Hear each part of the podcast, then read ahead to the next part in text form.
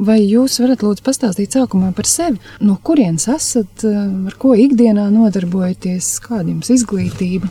Esmu no Rīgas, dzimis Rīgā. Varētu teikt, ka pirmos savus 15, 16 dzīves gadus eh, nodzīvoju Olainē, kur arī uzsāku savus basketbola gaitas, kur principā arī pirmo reizi sanāca arī tiesāt basketbola spēli. Un tad, eh, attiecīgi, vidusskolas laikā pārvācāmies uz Mārupi, mācījos Mārupas vidusskolā un uh, turpināju basketbola gaitas uh, arī Dienas sporta skolā. Basketbola tiesāšana tas ir jūsu ikdienas darbs, maizes darbs? Jā, tas noteikti nav maizes darbs. Tas ir, uh, kā mēs vienmēr jokojam ar kolēģiem, tas ir apmaksāts hobijs. Ja runājam par šo brīdi, es strādāju IF apdrošināšanā ar korporatīviem klientiem, attiecīgi brīvajā laikā apkalpoja basketbola spēles. Jā. Kā vispār kļūst par basketbola tiesnesi? Vai ir kaut kāda basketbola tiesneša skola vai kaut kas tam līdzīgs?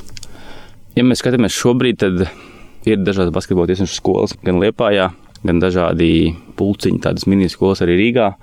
Bet, eh, ja mēs skatāmies tādā pagātnē, kad es eh, uzsāku basketbola tiesneša gaitas, tad eh, attiecīgi vienmēr mums ir bijušas jaunas basketbola līgas, kuras pats arī spēlēju.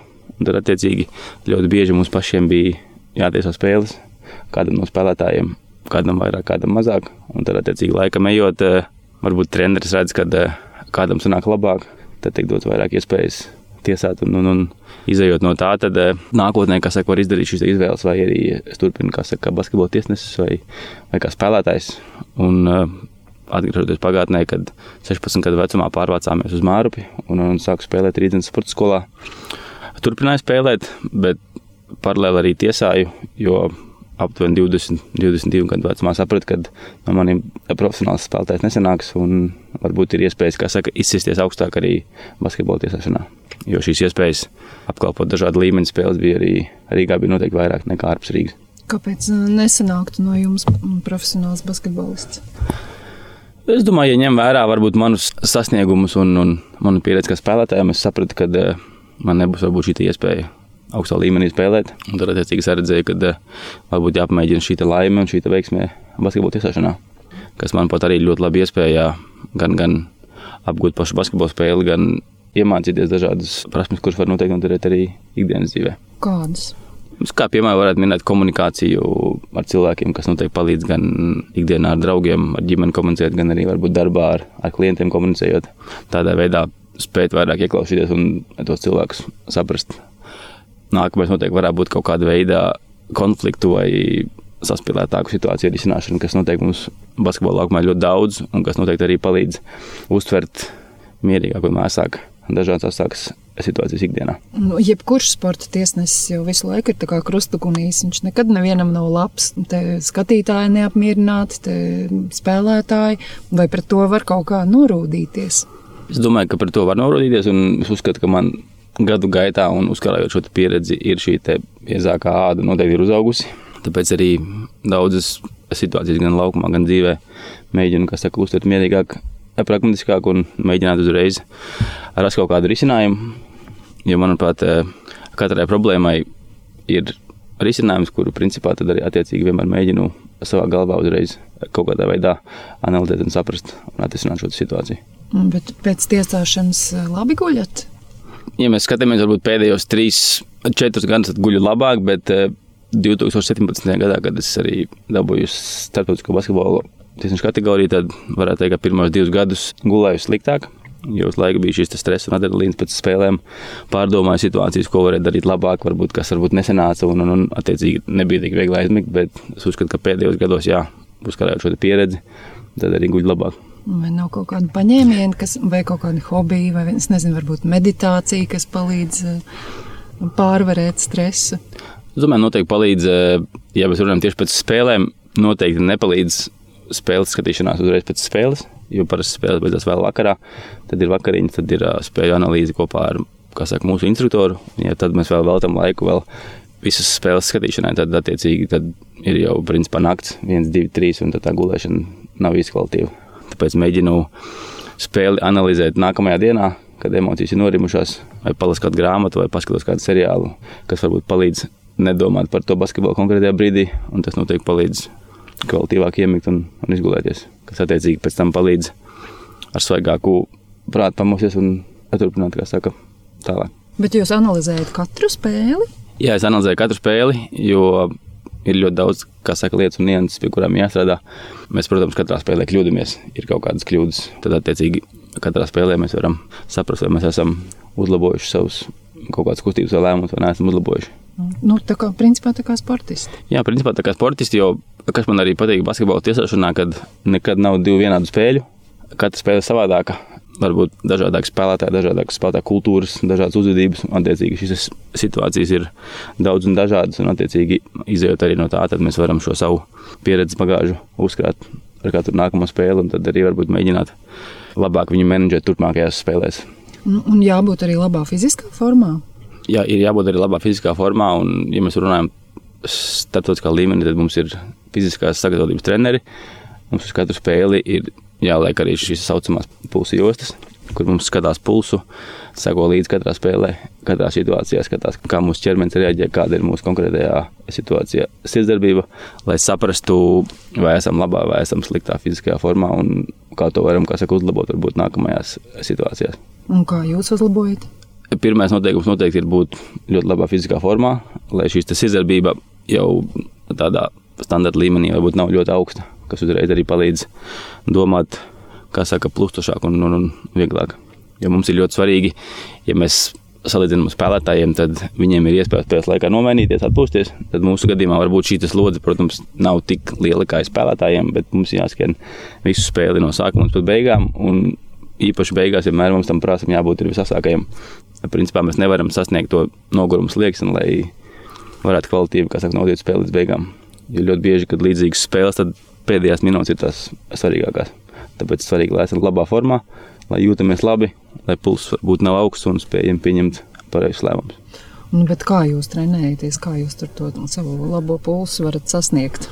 Tas, principā, mums tiek sastādītas treniņu programmas, vai arī paši izmantojam dažādu personīgo treneru pakalpojumus, kas principā ietver, es domāju, ja mēs runājam tieši par tiem pašiem treniņiem, tie ir gan fiziskie treniņi, gan ātruma izturības treniņi, gan vienkārši skriešanas treniņi lūkanības treniņi.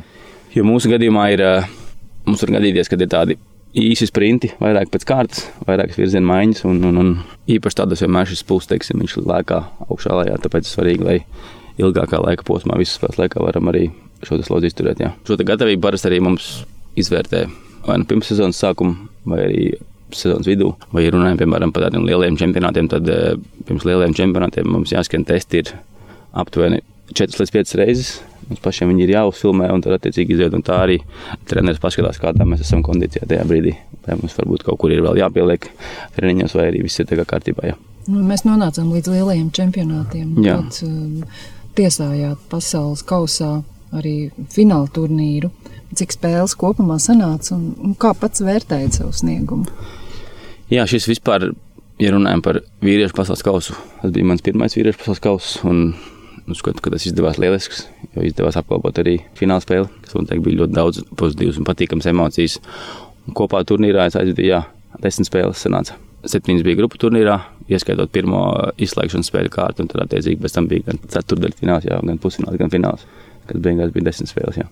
Pēc tam sociālos tīklos un, un citur skanēja, ka nu, tiesneši tur nav tiesājuši tā kā vajag, un daži no viņiem nekad jau nekādas īstas zvaigznes dzīvē nav redzējuši. Kā jūs to komentētu? Es to komentēju tā, ka eh, es vienmēr esmu īsi, kā saka, tiesājot jau vairākus gadus, sapratis, ka eh, ir ļoti daudz cilvēku, ir ļoti daudz viedokļu, un mēs noteikti nevaru un negribu ietekmēt kāda cilvēka viedokli. Tas mans moto ir vairāk, kad eh, es eju uz katru nākamo spēli, un mans mērķis ir vienkārši to katru nākamo spēli aizdīt pēc iespējas labākā kvalitātē. Un lai uzvar stiprākā komanda, un lai pēc iespējas mazāk, kā saka, ir varbūt pārmetumi no komandām. Bet eh, skaidrs, ka vienmēr būs īpaši lielajos turnīros, kur ažiotāža ir liela, komentāru un pozitīvu un negatīvu komentāru būs, būs ļoti, ļoti daudz. Jā. To es tā kā samierinos un, un spēju sadzīvot. Jā. Pēc šāda darba pasaules kausā Vai mm, tas jums kaut kā paaugstina kaut kādā tiesnešu reitingā, vai ko tas jums nozīmē citu tiesnešu vidū? Es domāju, ka citu tiesnešu vidū jau nozīmē daudz, kad, eh, kad es biju pasaules kausā. Man ļoti liels prieks, ka mēs bijām trīs latvieši. Jo kopumā mēs bijām 44 tiesneši no visas pasaules. Un, attiecīgi, Latviju pārstāvēja trīs.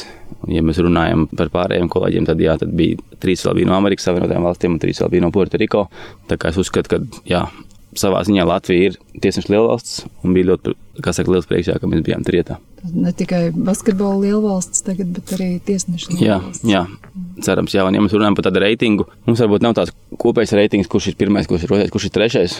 Es domāju, ka mēs, ja mēs runājam par tādiem lieliem turnīriem, tad uh, mums ir vērtē, kā saka, pēc katras spēles atsevišķi, un tad izējot no tā, tad uh, tiek veikt arī nozīmējumi katrai nākamajai spēlei. Ka mūsu gadījumā ir svarīgākais, ka mēs vispār tikam nozīmēti uz uh, tik augstu raudas turnīru.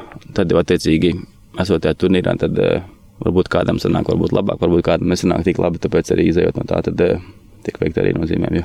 Bet jūs jau zināt, kas jums būs tas nākamais nozīmējums, vai tas vēl nav zināms? Ja mēs runājam tieši par tādiem lielajiem čempionātiem, tad nē, bet tūlīt jau principā sākās arī basketbola sezona, gan Latvijā, gan arī starptautiskā sezona. Tāpēc es jau 24. septembrī došos uz Turciju, kur būs basketbola čempionu līgas kvalifikācijas turnīrs līdz 1. oktobrim. Jā, tas arī principā, ir mans nākamais eh, starptautiskais nozīmējums. Un līdz tam iespējams, ka varbūt arī būs kāda spēle tepat Latvijā, mūsu Latvijas-Igaunijas basketbola līgā. Jā. Bet to redzēsim. Jūs strādājāt tajā pasaules kausā un desmit spēles, bet vai jums vispār bija laiks uh, un iespēja pamanīt un arī novērtēt Latvijas panākumus un arī izjust prieku par mums? Jā, es noteikti ļoti priecājos un lepojos uh, par Latvijas izlasi, jo vienmēr esmu bijis un būšu savs valsts patriots. Par to ļoti priecājos. Man bija dubult prieks, kad Latvijas izlase pārvarēja grupu turnīru un viņiem bija iespēja braukt uz Manilu uz izslēgšanas spēlēm, jo es jau tur biju un arī paliku līdz beigām. Un tāpēc arī tajā brīdī priecājos, kad man būs iespēja redzēt viņus spēlējam arī turpat Manilā. Un, un man personīgi izdevās jau uz vietas redzēt spēli pret Itāliju un pret Lietuvu. Jā. Pret Vāciju man neizdevās, jo man bija pašam jādiesā nākamā spēle. Tāpēc arī nepavadīju zālē varbūt šīs 7-8 stundas, jo bija jāgatavojas savai spēlē. Jā. Un arī satikāt mūsu izlases spēlētājus, varbūt pazīstat kādu no viņiem? Jā, es satiku noteikti. Lielākā daļa ir zināma un pazīstama. Kāds varbūt labāk, kāds varbūt ne tik labi, bet jā, noteikti satiku. Izdevās arī parunāties, jo daži no spēlētājiem, varbūt, kuri nespēlēja konkrētajā čempionātā, mēs sēdējām, kā saka, tajā vienā tribīnē aiz groza un, un kopīgi atbalstījām. Priecājāmies jā, par nākamajiem. Jā. Pēdējais noslēdzošais jautājums. Sportista karjera ir īsa, tas ir skaidrs. Profesionāla sportista karjera ir īsa, bet vai tiesneša darbs tas ir visam mūžam? Uzskatu, ka jā, liela atšķirība, ja mēs salīdzinām spēlētāju karjeru ar tiesnešu karjeru, jo Man šobrīd ir 36 gadi, un, ja es būtu profesionāls basketbolists, kas lielākoties nozīmē, ka mana karjera iet uz beigām, bet, ja mēs runājam tiesnešu arodu kontekstā, tad uh, es uzskatu, ka mana karjera tikai tā pa īstam sākās, un uh, mums ir iespēja tiesāt līdz 50 gadu vecumam. Šobrīd pat izpildot attiecīgos kritērijus, to iespējams ir darīt līdz 52, 54 gadu vecumam. Tāpēc, jā, skatīsimies, šobrīd ir 36. Domāju, ka tuvākos 10, 15 gadus es noteikti gribētu tiesāt. Tad jau, kā saka, redzēsim, kur tas ceļš vedīs. Paldies par sarunu! Paldies!